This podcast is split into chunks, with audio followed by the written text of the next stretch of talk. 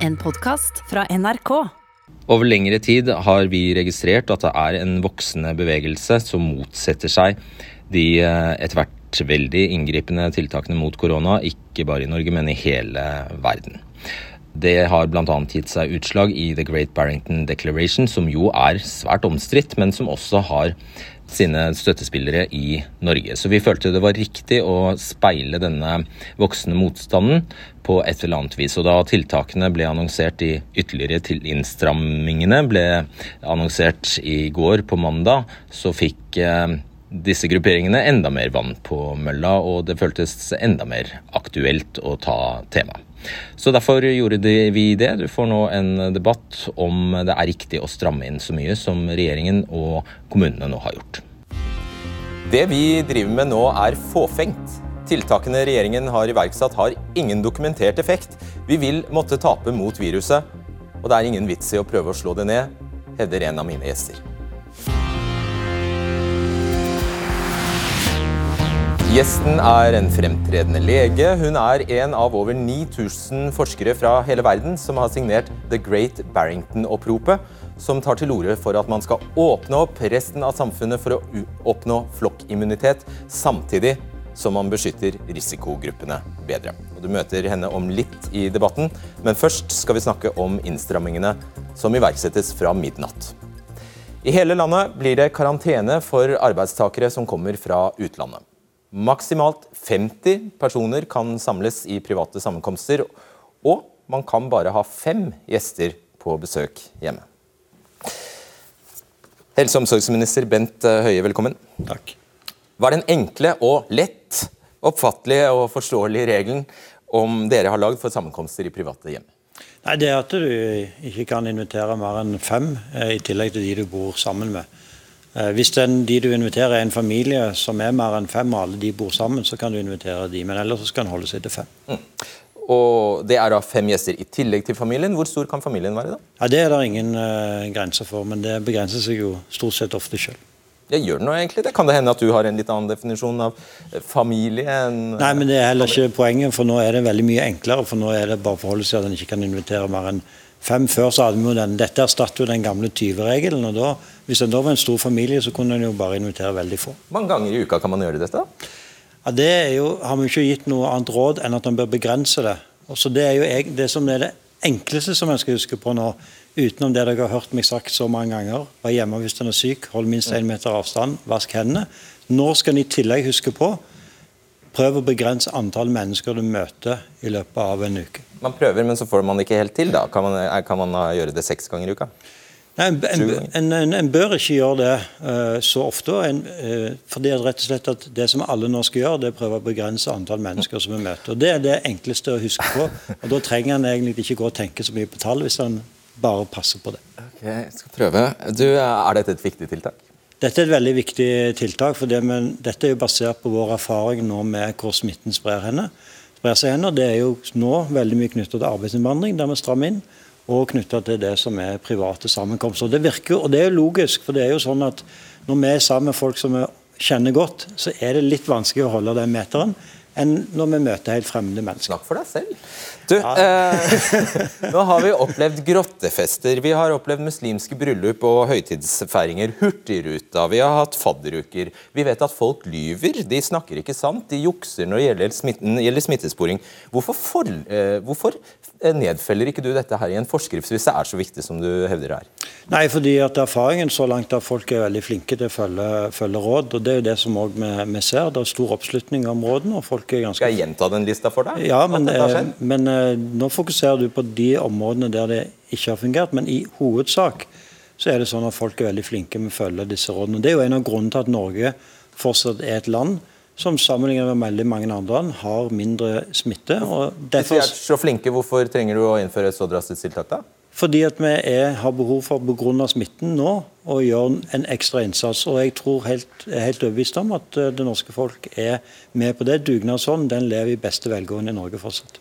Eh, hvordan gir en regel om maks fem personer pluss eh, familie mening for en lærer som er i kontakt med 100 elever i løpet av en uke?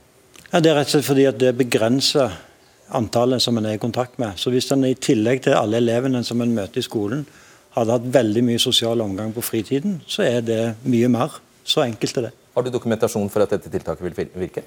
Ja, det er jo veldig klart. fordi at vi ser jo nettopp at der vi har hatt situasjoner med smittespredning, så har det ofte vært knytta til denne type sosiale sammenkomster. Enten hjemme eller, eh, eller ute der nede med folk en kjenner. Så det er et målretta godt tiltak. Med dokumentasjon mener jeg, mener jeg vitenskapelig bevis? Nei, det er jo veldig få av de tiltakene mm. som vi har nå som er vitenskapelig bevis. Hva var det det hvis, hvis vi hadde hatt det kravet, så måtte vi gitt holder, opp. Og heldigvis har vi ikke gitt opp. Eh, dere har jo da valgt å stramme inn kraftig på nærkontakter. Man kan ha det regner jeg med. Du baserer nettopp på det du var innom nå, at statistikken viser at vanligste smittested i uke 42 var nettopp private husstander. ikke sant?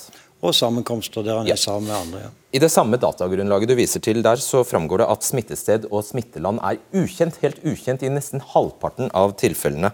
Uh, av 1000 tilfeller, faktisk. Og Det betyr at det slett ikke trenger å være private sammenkomster eller private uh, hjem som er åsted. Jo, Det vet vi er en viktig åsted. Så vil det være mange andre steder i tillegg. ja, I halvparten vet du ikke? Nei, helt riktig. Men derfor må vi ta utgangspunkt i det vi vet. Ja, Men da kan det være feil? Eh, nei, det er ikke feil. Eh, men det kan òg være andre steder der det foregår smitte som vi ikke vet. og Derfor er vi opptatt av å begrense antall mennesker som møtes. For dette viruset, skal det spre seg, så er det bare avhengig av én ting. Det er at mennesker møtes nær hverandre. Og Det mer vi reduserer det, det mindre vil viruset spre seg. Så enkelt er det. Anbefalte FHI dette? Dette var et uh, tiltak som Helsedirektoratet anbefalte i de områdene ja, i Norge. Jo. FHI? Eh, Helsedirektoratet anbefalte dette tiltaket i de områdene i Norge som hadde mer enn 20 per 100 000 smitta. Vi ønsker ikke å innføre en sånn rød grense i Norge. Og vi mener at nå er det så viktig å ta kontroll på denne situasjonen at derfor anbefaler vi dette for hele landet. Hvorfor svarer du ikke på spørsmålet mitt? Det var det som var svaret på spørsmålet. Nei, spørsmålet mitt var hva anbefalingen fra FHI var. ikke var FHI anbefalte at vi skulle holde en grense på ti. Ja. Så hvorfor eh, Men, fulgte du ikke det? Eh, nei, fordi vi mener at det er nå mer fornuftig og være tydelig på at du ikke skal invitere mer enn fem hjem. Og det i praksis vil det egentlig for de aller fleste av oss si det samme. Og jeg er bekymra for at når man nå har snakket så mye om 20, så har folk glemt meteren. Hvorfor går du inn... lenger enn fagfolkene? Ja, det er det jeg prøver å forklare nå. Okay, ja. Eh, fordi jeg er redd for at mange har fått med seg 20, og de tror at de kan invitere 20 hjem, og har glemt at grunnleggende krav er meteren. Og det er veldig få av oss som bor i hus og leiligheter der vi kan ha 20 gjester og samtidig holde meteren. Og Dette tenkte ikke FHI på, tror du? Det har de kanskje tenkt på, men eh, det er sånn at til slutt så er det faktisk eh, jeg og regjeringen Ja, Men alle vet du bestemmer. så jeg, nå, nå, graver jeg i hvorfor du tror du vet bedre enn fagfolkene. fordi I neste omgang så insisterer du på at det er veldig veldig viktig at alt her er kunnskapsbasert, og at man lytter til fagfolk. Dette er kunnskapsbasert, for det er basert på fagfolkens vurdering at det er nettopp denne type situasjoner som bidrar til smitte. og Vi har nå behov for har kraftige tiltak for å beholde kontroll. Og Dette det, er et viktig tiltak for det. Kan det hende du svekker eh, autoriteten og den faglige tyngden til FHI ved bare å valse over dem? på den? Nei, og det er jo også FHI veldig tydelig på at jeg ikke gjør. og De er veldig enige i at vi gjør disse grepene. Mm. Ok, Da eh, er Raimond Johansen eh, på vei inn i studio. Hyggelig å ha deg her. Velkommen. Tusen takk for det. Og Det gir meg en god anledning til å minne om at Oslo og Bergen er enda strengere enn det Bent Høie og regjeringen er. De har altså innført følgende regler fra torsdag klokken tolv. Det blir munnbindpåbud inne på offentlig sted der meteren ikke kan opprettholdes. Det blir munnbindpåbud inne på serveringssteder når man ikke sitter ved et bord. Og maksimalt ti nærkontakter utenfor hjemmet i løpet av en uke er tillatt. I Oslo blir det maks 20 personer på innendørsarrangementer uten faste seter. Det blir stans i innslipp til utesteder klokken 22.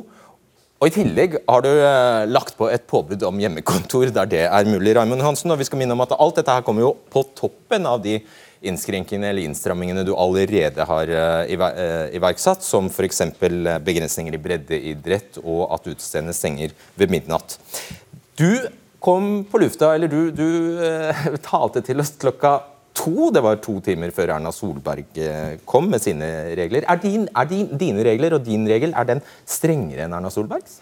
På noen områder så er den strengere enn det, men nå har jo også Oslo høyere smitte enn resten av landet. og skal Norge lykkes, så må Oslo lykkes. og I og med at vi er et, en by med 700 000 og nesten 200 000 som pendler ut inn, så må vi ha strenge regler nå i en periode for å forsøke å få smittetallene ned. Hvem skal folk høre på, deg eller Erna Solberg? Jeg tror de skal høre på begge. Eh, og det er jo ingen av tiltakene som står i motsetning til hverandre. Vi er tydelige på en god del ting på munnbind. Å bruke munnbind på T-banen er nok mer aktuelt en, i en by som har T-bane, ja, enn en, si. en, en sted som ikke har det. det er veldig sant. Men uh, vent litt med munnbind. fordi uh, er du, der, hvordan, du må jo gjerne stå her og insistere på at disse ikke står i motstrid. Du har sikkert fått med deg at det er en god del forvirring eh, der ute nå. da kan nettopp... vi oppklare det. La oss oppklare det. fordi ja. hvis man tar Erna Solberg, La oss si at man tar Erna Solberg på ordet og faktisk tolker henne dit hen at man ikke bør gå utover fem nærkontakter i uka. Da er jo din regel slakkere enn hennes. Men det har aldri Erna Solberg sagt. Men la oss si at det er jo ikke riktig. Det, det hun sier er mer enn fem nærkontakter i hjemmet. Og Det er en veldig god regel. I tillegg så har Oslo nå i over en måned hatt et påbud at man ikke har lov å ha eh, mer enn ti personer. Altså bryter du loven hvis du har mer enn det. Men å følge Erna Solberg og regjeringens oppfordring på det, er også veldig naturlig. Og så har jeg lyst til å si det, at dette vi gjør nå i en periode, er jo for å minimere den sosiale kontakten. Også for å gjøre smittesporingen enklere. Vi har nå i de siste ukene hvor smittetallene har vært høye, så har vi, det er litt viktig å forklare, så ser vi det at enkelte har oppimot 200 personer de har hatt kontakt med i de siste ukene. Det betyr at hvis vi nå ikke greier å minimere den sosiale kontakten, så er det fare for at dette kommer ut av kontroll. Ja, men Det er ikke en sjel som ikke har fått med seg akkurat det her. Man jo, han... Jo, men jeg tror, jeg tror det, er, det, er, kjernen. Det er kjernen fordi at Fredrik, Fredrik, kjernen er at i, i mars måned så var antallet man hadde kontakt med, var tre-fire personer. Ja, jeg skjønner, jeg skjønner. Nå er det 200, og det, det må vi minimere for å, få, for å, få, kontroll på. Ja, Men du, du selv er jo, kan antagelig tjene som et veldig godt eksempel på en person som har med mange å gjøre. Hva er en nærkontakt? Ja, så En nærkontakt er en privat sammenheng, i en familiesammenheng. Det er det vi har som nærkontakt. Ja, hva er definisjonen? Det betyr, ja, det er privat sammenheng i en, i, en, i en, familie er en nærkontakt. Vi kan kanskje lettere forklare hva det ikke er. Det er ikke en jobbrelasjon, det er ikke idrett, det er ikke på korøvelse eller i korpset, hvor det fins en arrangør som har ansvaret for at reglene overholdes. Er du i en privat sammenheng, så er også faren for å blir smittet større. Vi har den ja, som, prosentvise sa at man har en Jo, men de blir jo, smittet, de de blir jo smittet et sted. da. Smitten ja. kommer jo inn i private sammenheng utenifra. Og det er jo den vi nå må ta et krafttak for å minimere. Men ja, ja svare. Poenget med spørsmålet var jo at mange syns det er veldig rart at de man jobber tett og nært med, ikke er nærkontakter. Eh, F.eks. kolleger. da. Altså, eh, mens, eh, mens eh, familie, familiemedlemmer automatisk blir regnet Men det er utrolig viktig i en jobbrelasjon. Jeg er i hvert fall ikke oppe i ansiktet på de jeg jobber med nå. Vi er veldig nøye med å holde avstand. Veldig nøye med å overholde alle reglene. Og så ser du det, hvis de kommer på besøk hjem med venner, så er det annerledes. Far, det er, det, og jobben har en forpliktelse til å gjøre det. Så det er i private sammenheng. Man kan være glad i hverandre på jobb òg, da. Ja, nettopp. Man skal være glad i hverandre. Jeg har lyst til å si, lyst til å si det også fordi det er litt viktig, at i denne situasjonen vi er nå, så er det viktig å greie å være sosial på koronaens premisser. Ja, du, La oss ta ja. to ord om, om, munnbind. Du har altså innført uh, påbud om munnbind. Først var det på uh, offentlig transport, nå gjelder det også i uh, innendørs på offentlige steder. Fra mm. mars og gjennom sommeren har ikke FHI anbefalt dette. FHI sier mm. faktisk det er svakt vitenskapelig grunnlag for å anbefale munnbind. Mm. De har gått gjennom over 500 forskningsartikler mm. og lener seg hovedsakelig på to kunnskapsoppsummeringer. Den ene sier at effekten av munnbind kan være en 6 smittereduksjon. Mm. Eh, den andre 44% men ingen av dem dreier seg om covid-19. En dansk studie blant 6000 dansker som ennå ikke er publisert fordi ingen av tidsskriftene tør å publisere den, antyder, sier medforsker Thomas Lars Benfield, at eh, antyder at det faktisk ikke har noen effekt. Det er en kontroversiell undersøkelse. Bør ikke slike inngripende tiltak som det å påby folk å klistre noe i ansiktet, bør ikke de være vitenskapelig fundert? Derfor har også FHI vært klare. Jeg er enig i at innledningsvis i mars så var det en debatt om nødvendigheten av munnbind. Nå er jo anbefalingene fra helsemyndighetene tydelige på at munnbind, hvor det ikke er mulig å holde avstand under en meter, absolutt noe som vil redusere smitten. Og vi ser nå, Det er ikke bare på kollektivtrafikk, vi ser på kjøpesentre, trengselen.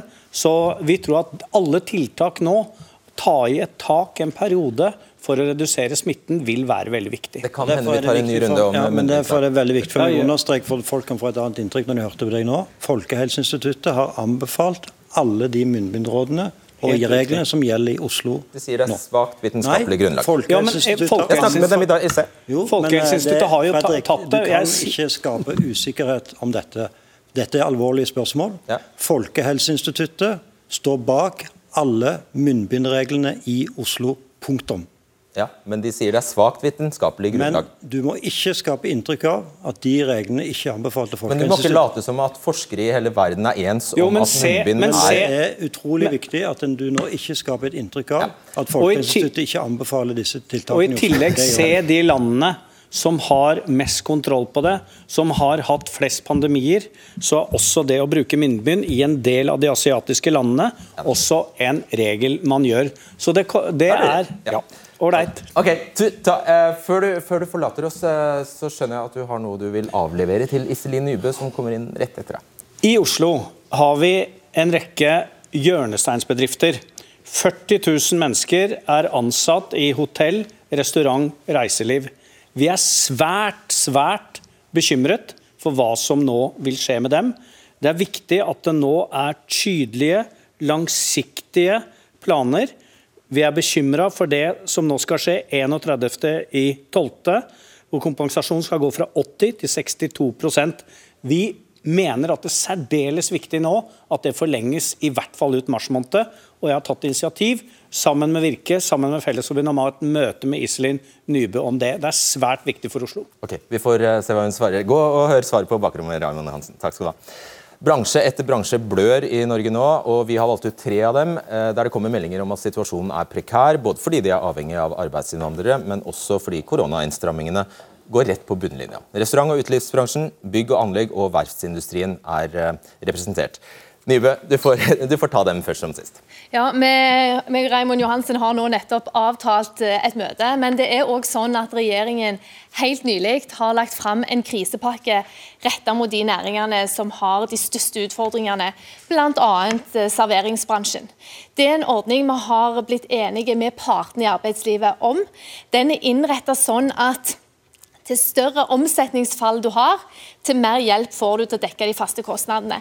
Og Når det skjer sånne ting som nå skjer i Oslo, at de strammer inn, så er det nok flere som vil komme inn under den ordningen. Men så må jeg også legge til det er ingen nye penger, men bare den eksisterende ordningen? Nei, den, den, nå, den, er helt nylig lansert. Det er 1,3 milliarder kroner det er estimert. Samtidig så har regjeringen vært tydelige på at ting kan endre seg. Ting som vi ser nå, er ting vi må være forberedt på at kan skje. og Derfor er regjeringen innstilt på å hele veien følge godt med, og eventuelt justere og vurdere hvis det er behov for det. Okay. Da skal vi til Ålesund. Hege Akselvold, du er kommunikasjonsdirektør i Vard Group. og Dere bygger bl.a. cruiseskip, spesialfartøy til oljeindustrien, og så bruker dere en stor del utenlandsk arbeidskraft. Hvor mange personer har dere i karantene nå?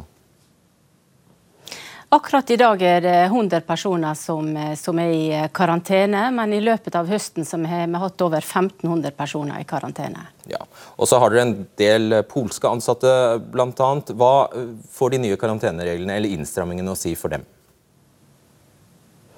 Eh, nei, Det innebærer det at karanteneoppholdet blir eh, lenger, og det innebærer òg at det blir økte kostnader eh, for, for Vard i, i, i. Mm. Men dere kunne vel ansatt lokale krefter fremfor å gjøre dere sårbare, da, som dere åpenbart er, med arbeidskraft fra lavkostland? Eh, vi er avhengig av arbeidskraft både fra inn- og utland. Eh, der er eh, ikke tilstrekkelig nok med fagfolk i Norge. og Derfor må vi gjøre en kombinasjon med å ha både ansatte i Norge og leie inn det vi mangler fra ulike land i Europa. Mm. Hvor mye støtte har dere fått?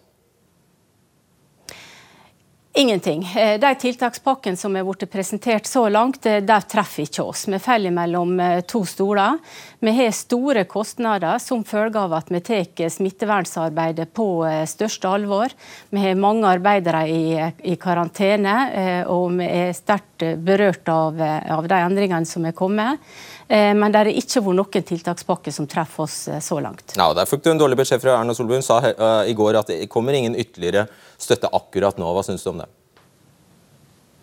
Nei, Det syns vi ikke noe om. Jeg tenker det at Skipsbygginga i Norge den bidrar til mange tusen arbeidsplasser langs hele kysten. Eh, vi kan være med og bidra i det grønne skiftet. Eh, og nå eh, håper vi det at myndigheten kan vise at dette er en næring de ønsker å ha med eh, videre, og, og at en kan komme med i alle fall en kompensasjonsordning som kan gi støtte til de ekstraordinære kostnadene som vi nå har, som følge av å holde hjula i gang, som Erna faktisk sa når hun stengte landet. at de, land, de bedriftene som kan holde hjula i gang, skal gjøre det. Og det har vi tatt på største alvor. Vi gjør et omfattende smittevernsarbeid, mer enn det myndighetene forventer av oss, men det koster. Det har virkelig sin pris i, i, i økte kostnader. Vi lar Iselin Nybø svare kort på det òg. Ja, Det er mange bedrifter i dag som har ganske store kostnader knytta til, til, smittevern og, og, tiltak i forbindelse med det. Og Jeg kan ikke uttale meg konkret om Vard, men jeg vet at det er mange andre verft og store deler av maritim sektor som har hatt god nytte både av den generelle kompensasjonsordningen, permitteringsregelverket, låneordningene vi har hatt. og Totalt sett så har vi levert en spissa pakke mot maritim næring på 1,4 milliarder kroner. Så det er òg brukt penger i denne næringen. Ja, Men nå kommer det ingenting, sa Erna Solberg i går. Ja, Det var knytta til eh, altså det å få en egen kompensasjonsordning knytta til de smitteverntiltakene som Vard, men òg vil jeg legge til nesten alle bedrifter i landet har. i jo, større eller mindre grad. Alle skjønner jo det hun forklarer, hvor, ille, hvor, hvor, dramatisk det kan være når 100, personer blir, 100 ansatte blir satt i karantene. Ja, og Særlig de som baserer seg på mye utenlandsk arbeidskraft. Men nå gjør vi dette av en grunn, og det er bl.a. fordi vi skal slippe å stenge ned mye mer enn det vi har gjort til nå.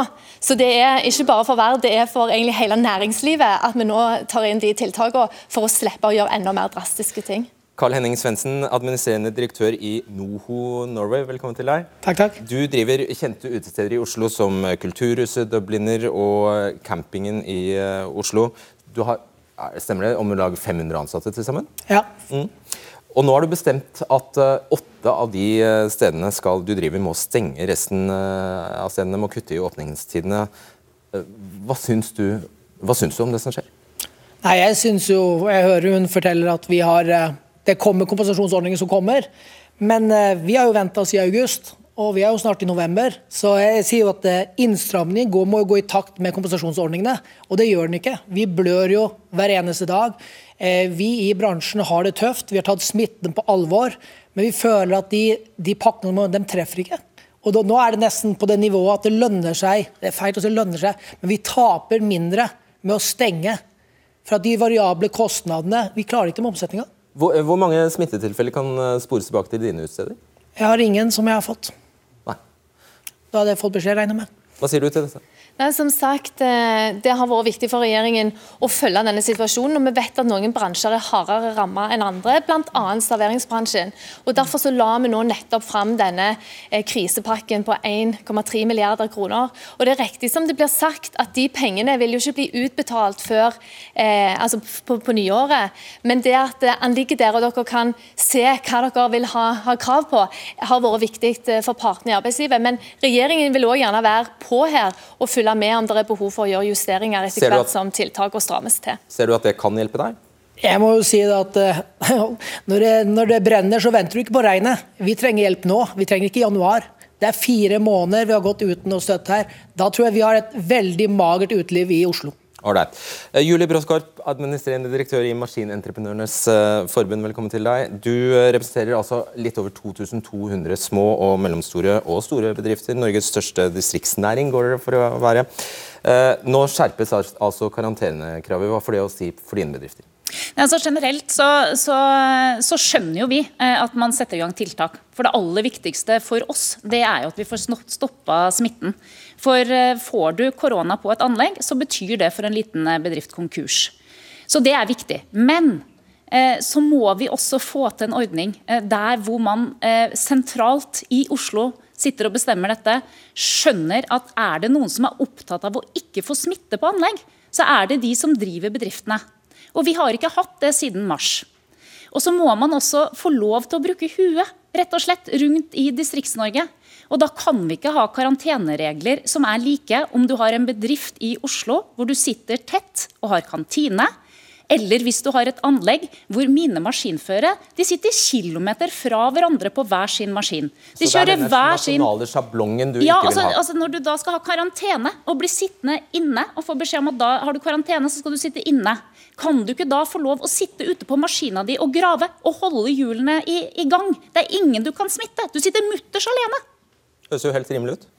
Ja, men det er jo ikke sånn at en uh, er nødvendigvis bare alene og graver hele veien. Uh, og Det er nettopp det som er poenget. En må uh, være i karantene nå pga. smittesituasjonen i en rekke av de landene. Fordi risikoen nå for at du får utbrudd på en av dine bedrifter er nå så stor hvis en nå har unntak fra karanteneregelen. Regjeringen innførte dette unntaket nettopp av hensyn til dine medlemsbedrifter for verftsindustrien. Da var smittesituasjonen i Europa en annen. Nå er risikoen så høy fra mange land i Europa for at de som kommer inn, har smitte. og Da kommer en i den situasjonen som du beskriver, nemlig at smitten kommer inn ikke bare i virksomheten, men òg i det lokalsamfunnet der folk bor, eh, der de er aktive. og Da må vi ha strengere regler i denne perioden. Og så er vårt ønske selvfølgelig at vi skal få kontroll på smitten i, Europa òg, og dermed kan innføre unntaksregelen igjen. Altså, det er helt feil.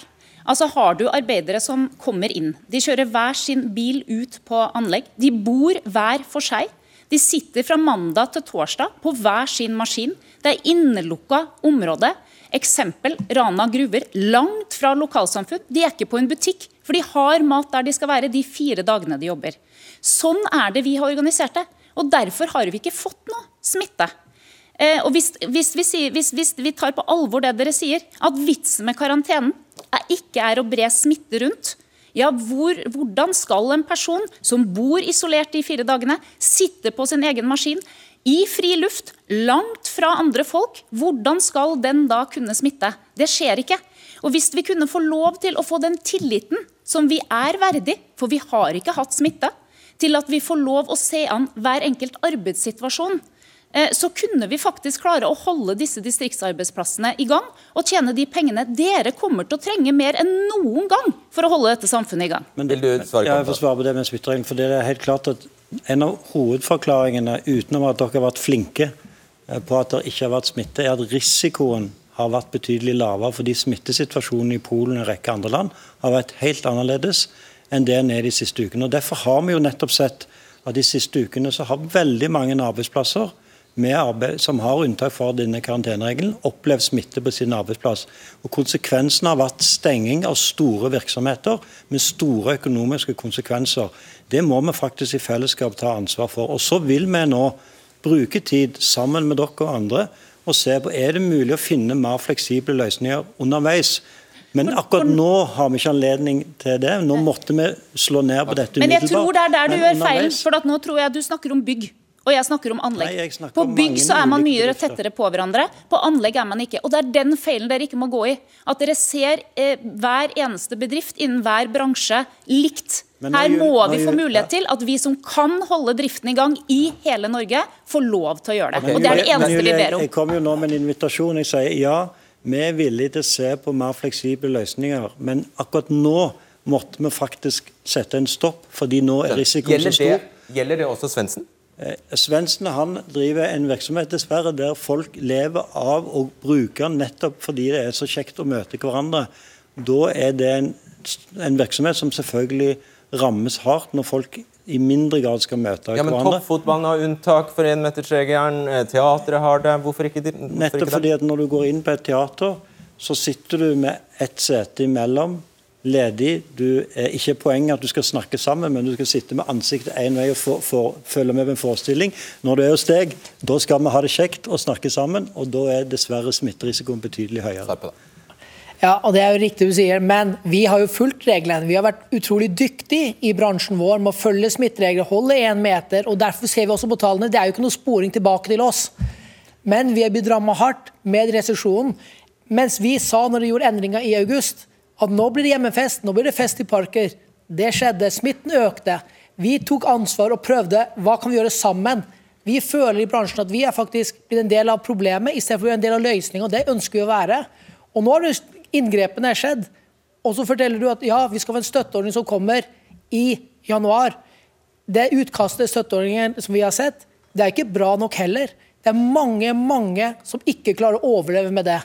Så, så vi er ikke fornøyd med det som har kommet så langt. Vi er ikke det. Ok, Du får avslutte med en bekreftelse, regner jeg med, dessverre, du må komme med på at det ikke blir noe mer før nyttår? Nei, ja, det, det, er helt, altså det, er ikke mulig for oss å lage en ordning som gjør at vi får utbetalinger fortløpende. Så vi må ta utbetalingene eh, i januar. Men, men, regjeringen har hele veien sagt at vi er villige til å se når det er endringer. Så må vi òg se på de ordningene vi har. Og vi òg ønsker jo at vi igjen skal kunne gå på pub og kose oss og treffe folk. For jeg tror vi alle sammen ønsker å komme der, og det er derfor vi må gjøre de innstrammingene nå, for å igjen kunne åpne opp. Da setter vi strek der. Du blir stående høye. Takk skal dere ha.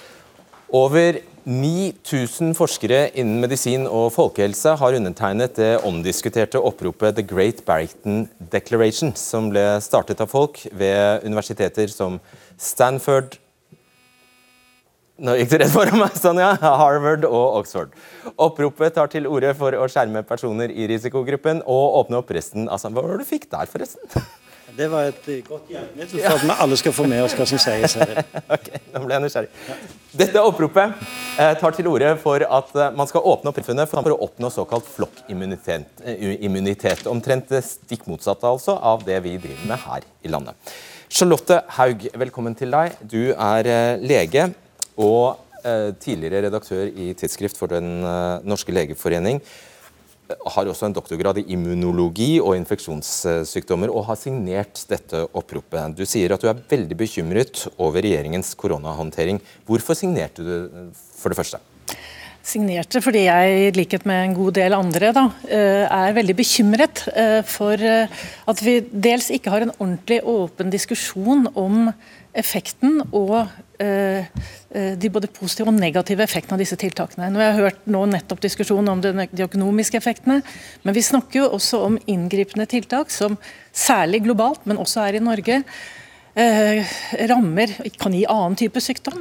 Eh, det er mange som ikke har fått behandling nå, f.eks. Det er veldig konkret. Men det er jo også hva dette gjør med folks liv, livsutsikter, livskvalitet. Med alle disse eh, innstramningene som er. Og så veldig viktig nå vet vi veldig mye mer om dette viruset enn vi visste i januar, februar, mars. Nå vet vi hvilke grupper som rammes hardest. Og en forutsetning for at, det er ikke Forutsetningen er ikke å, å, å slippe opp, forutsetningen er at vi beskytter de som er mest utsatt for å bli syke. For det er jo ikke smitten som er farlig, det er sykdommen som er farlig. Og Hvilke land har dere som har eh, skrevet under, å vise til som har greid det? Greid å gjøre akkurat den eh... Greid å nettopp eh, beskytte de som trengs å beskyttes, altså risikogruppene, samtidig som Ja, Vi har jo mange land i verden som klar, har klart å ha, få kontroll på dette. Det, men det er land i Asia som, som uh, har eh, hatt kontroll på viruset helt fra starten. egentlig. Ett land har klart å slå viruset ned etter at det har begynt å spre seg, det er Kina. Med veldig veldig inngripende tiltak som jeg tror ikke vi kan tenke oss her. De andre landene i Asia rundt, Singapore, Hongkong, Taiwan osv., har klart å holde kontroll ved at de startet veldig tidlig med å teste og, og følge opp på smittesporet. Samme tankegangen som, som er her. De, der har det heller ikke vært da, smitte på institusjoner. For, for gamle.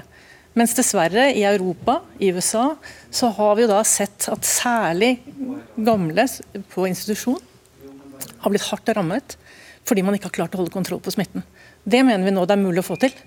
Og da, Hvis vi kunne klare å få til den situasjonen, da var det mulig å åpne litt opp i samfunnet. Alright.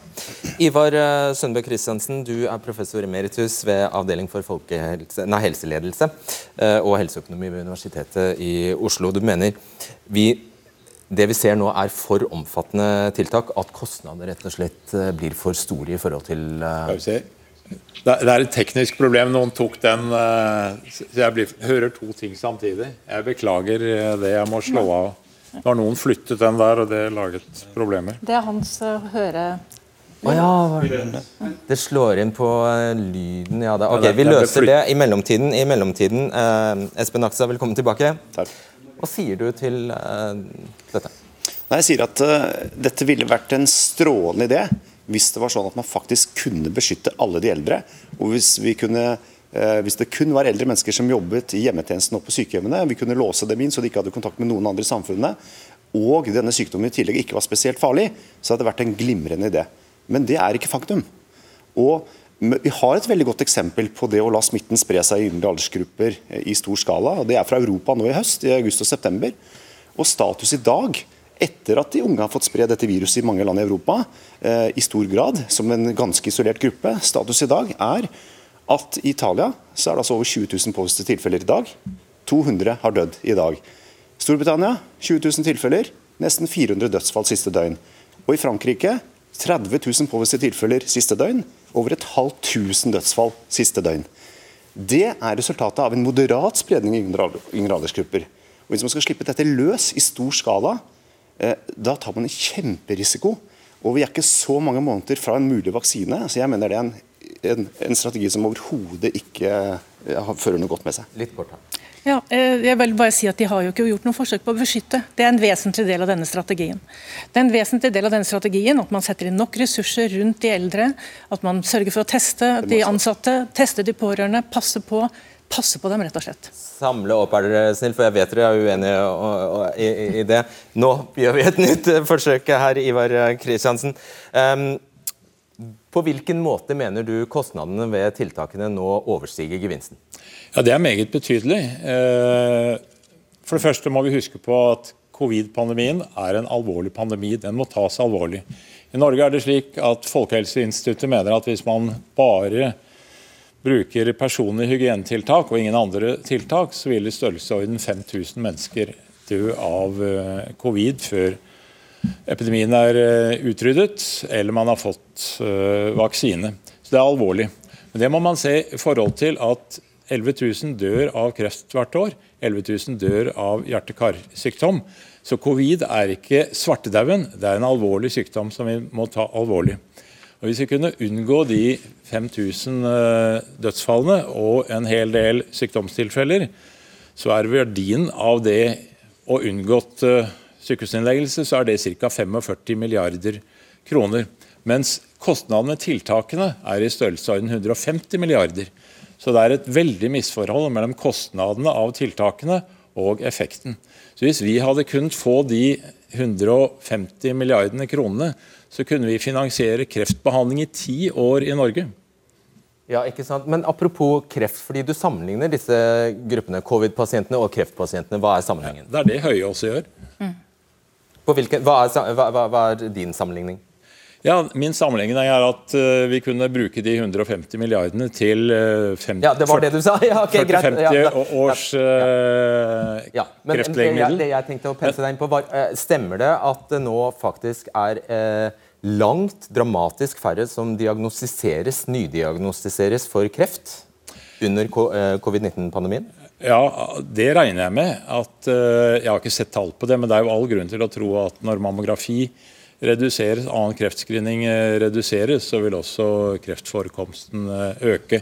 Og Mitt spørsmål til Høie det er er covid-dødsfall mer verdifulle enn kreftdødsfall?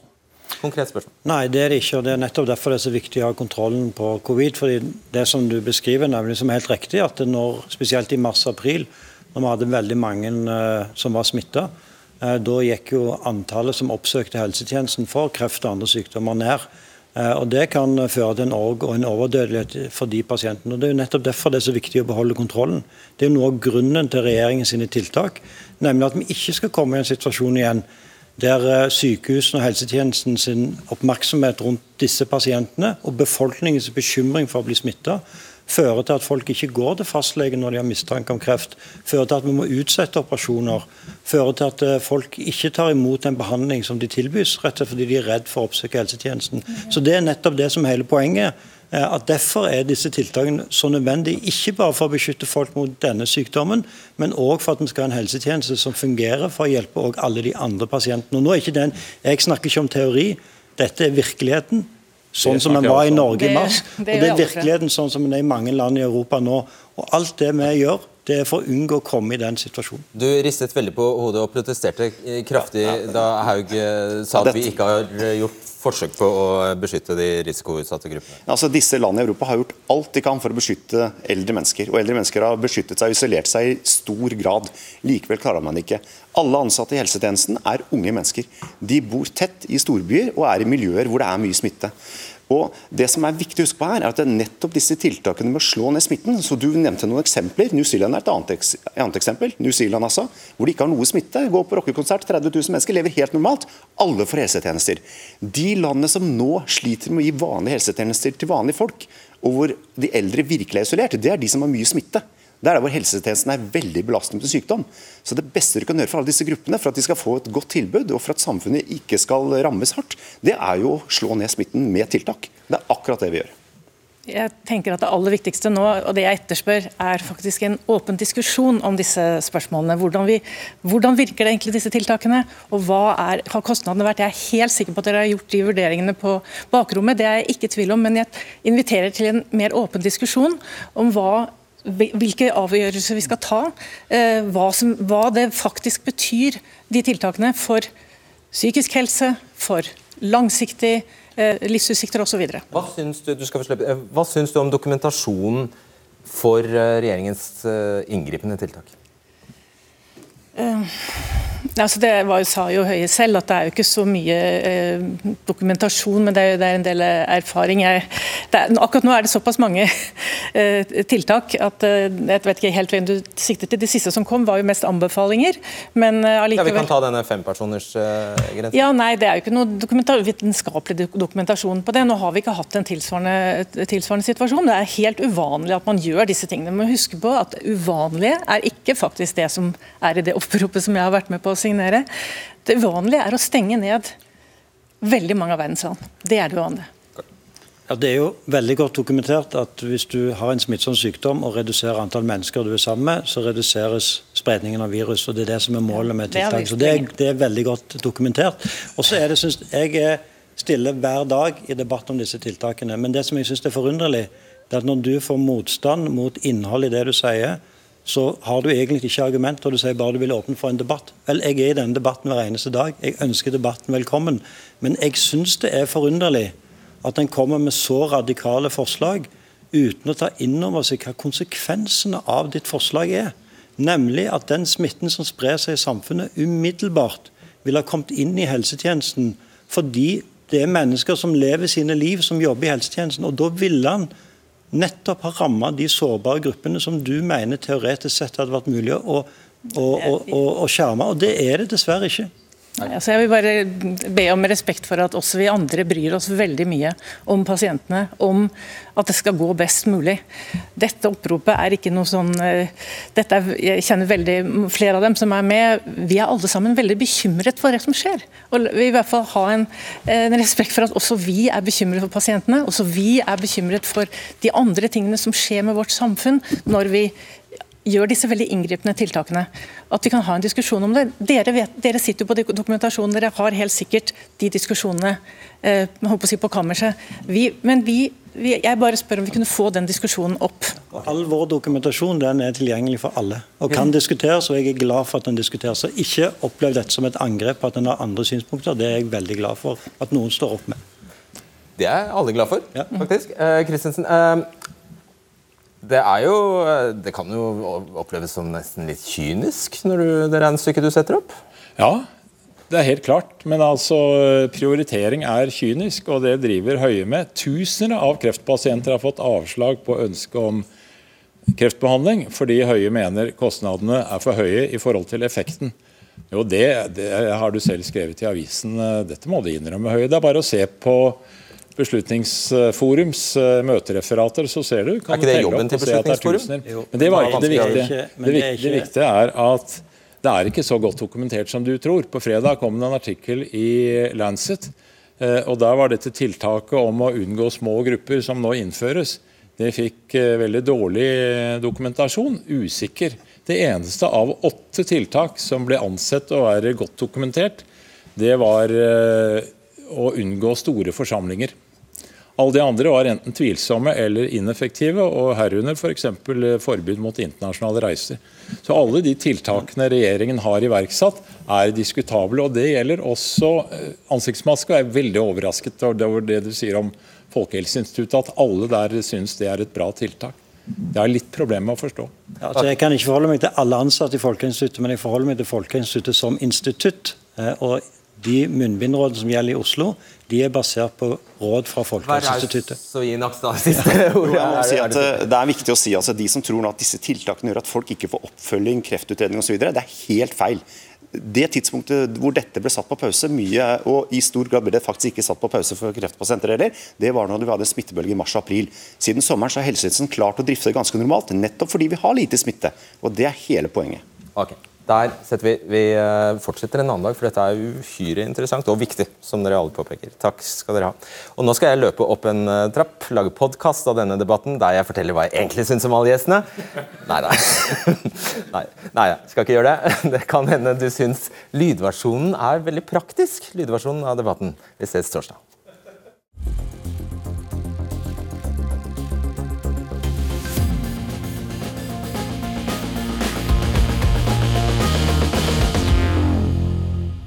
Etter sending eh, har det kommet en del reaksjoner, både til meg direkte, men også på eh, sosiale medier, eh, om at, som i veldig mye går på at vi med denne sendingen bidrar til å delegitimere de tiltakene som vi alle er ganske avhengig av, hvis vi nå først skal følge denne strategien, at blir overholdt.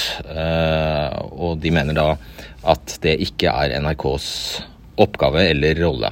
Til det så tror jeg at jeg vil svare at nettopp er NRKs oppgave å eh, bringe motstemmer til torgs. At vi er en debattredaksjon som nettopp har til eh, oppgave å innby til ordskifte. Og at det heller ikke er vår jobb å støtte opp om eller å legitimere tiltak som regjeringen eh, kommer med. Det får den for så vidt gjøre selv. Eh, vi er ikke en del av myndighetene, sånn sett. Eh, når det er sagt, så forstår jeg selvfølgelig poenget. Og dette er en balansegang vi har eh, trådt hele veien, føler jeg, under korona. Den er tidvis vanskelig. Så kommer det også eller Bent Høie hisset seg litt opp der og mente at jeg ikke måtte så tvil om hva Folkehelseinstituttet faktisk har anbefalt når det gjelder munnbind. Eh, det er for så vidt eh, greit at han eh, poengterer at ledelsen i FHI, eller FHI offisielt, har stilt seg bak anbefalingene. Mitt poeng, bare for å gjenta det, er at de understreker at det er svakt faglig grunnlag for å gi de anbefalingene. Og dette gjelder jo alle myndigheter som måtte, som måtte, innføre dette tiltaket. Man vet rett og slett veldig lite om effekten. Man vet nesten ingenting om effekten av munnbind på covid-19-sykdommen og koronaviruset. En siste ting jeg har lyst til å kommentere, og det er at jeg får en del kommentarer om at jeg ikke kan smile når temaet er så alvorlig som dette. Noen mener også at jeg hånflirer. Det er veldig vanskelig å forsvare seg mot. Jeg kan forsikre om at jeg ikke hånflirer. Men jeg er heller ikke tilhenger av at alt skal eh, være At det skal være gravalvorlig. De gangene jeg smiler, så føles det riktig. Og eh, jeg tror at alternativet hadde blitt en form for debatt som man rett og slett ikke ville ha fulgt i lengden. Eh, så det, det er det jeg vil si til det. Da håper jeg du følger oss på torsdag også. Ha det bra. Du har hørt en podkast fra NRK. Hør flere podkaster og din NRK-kanal i appen NRK Radio.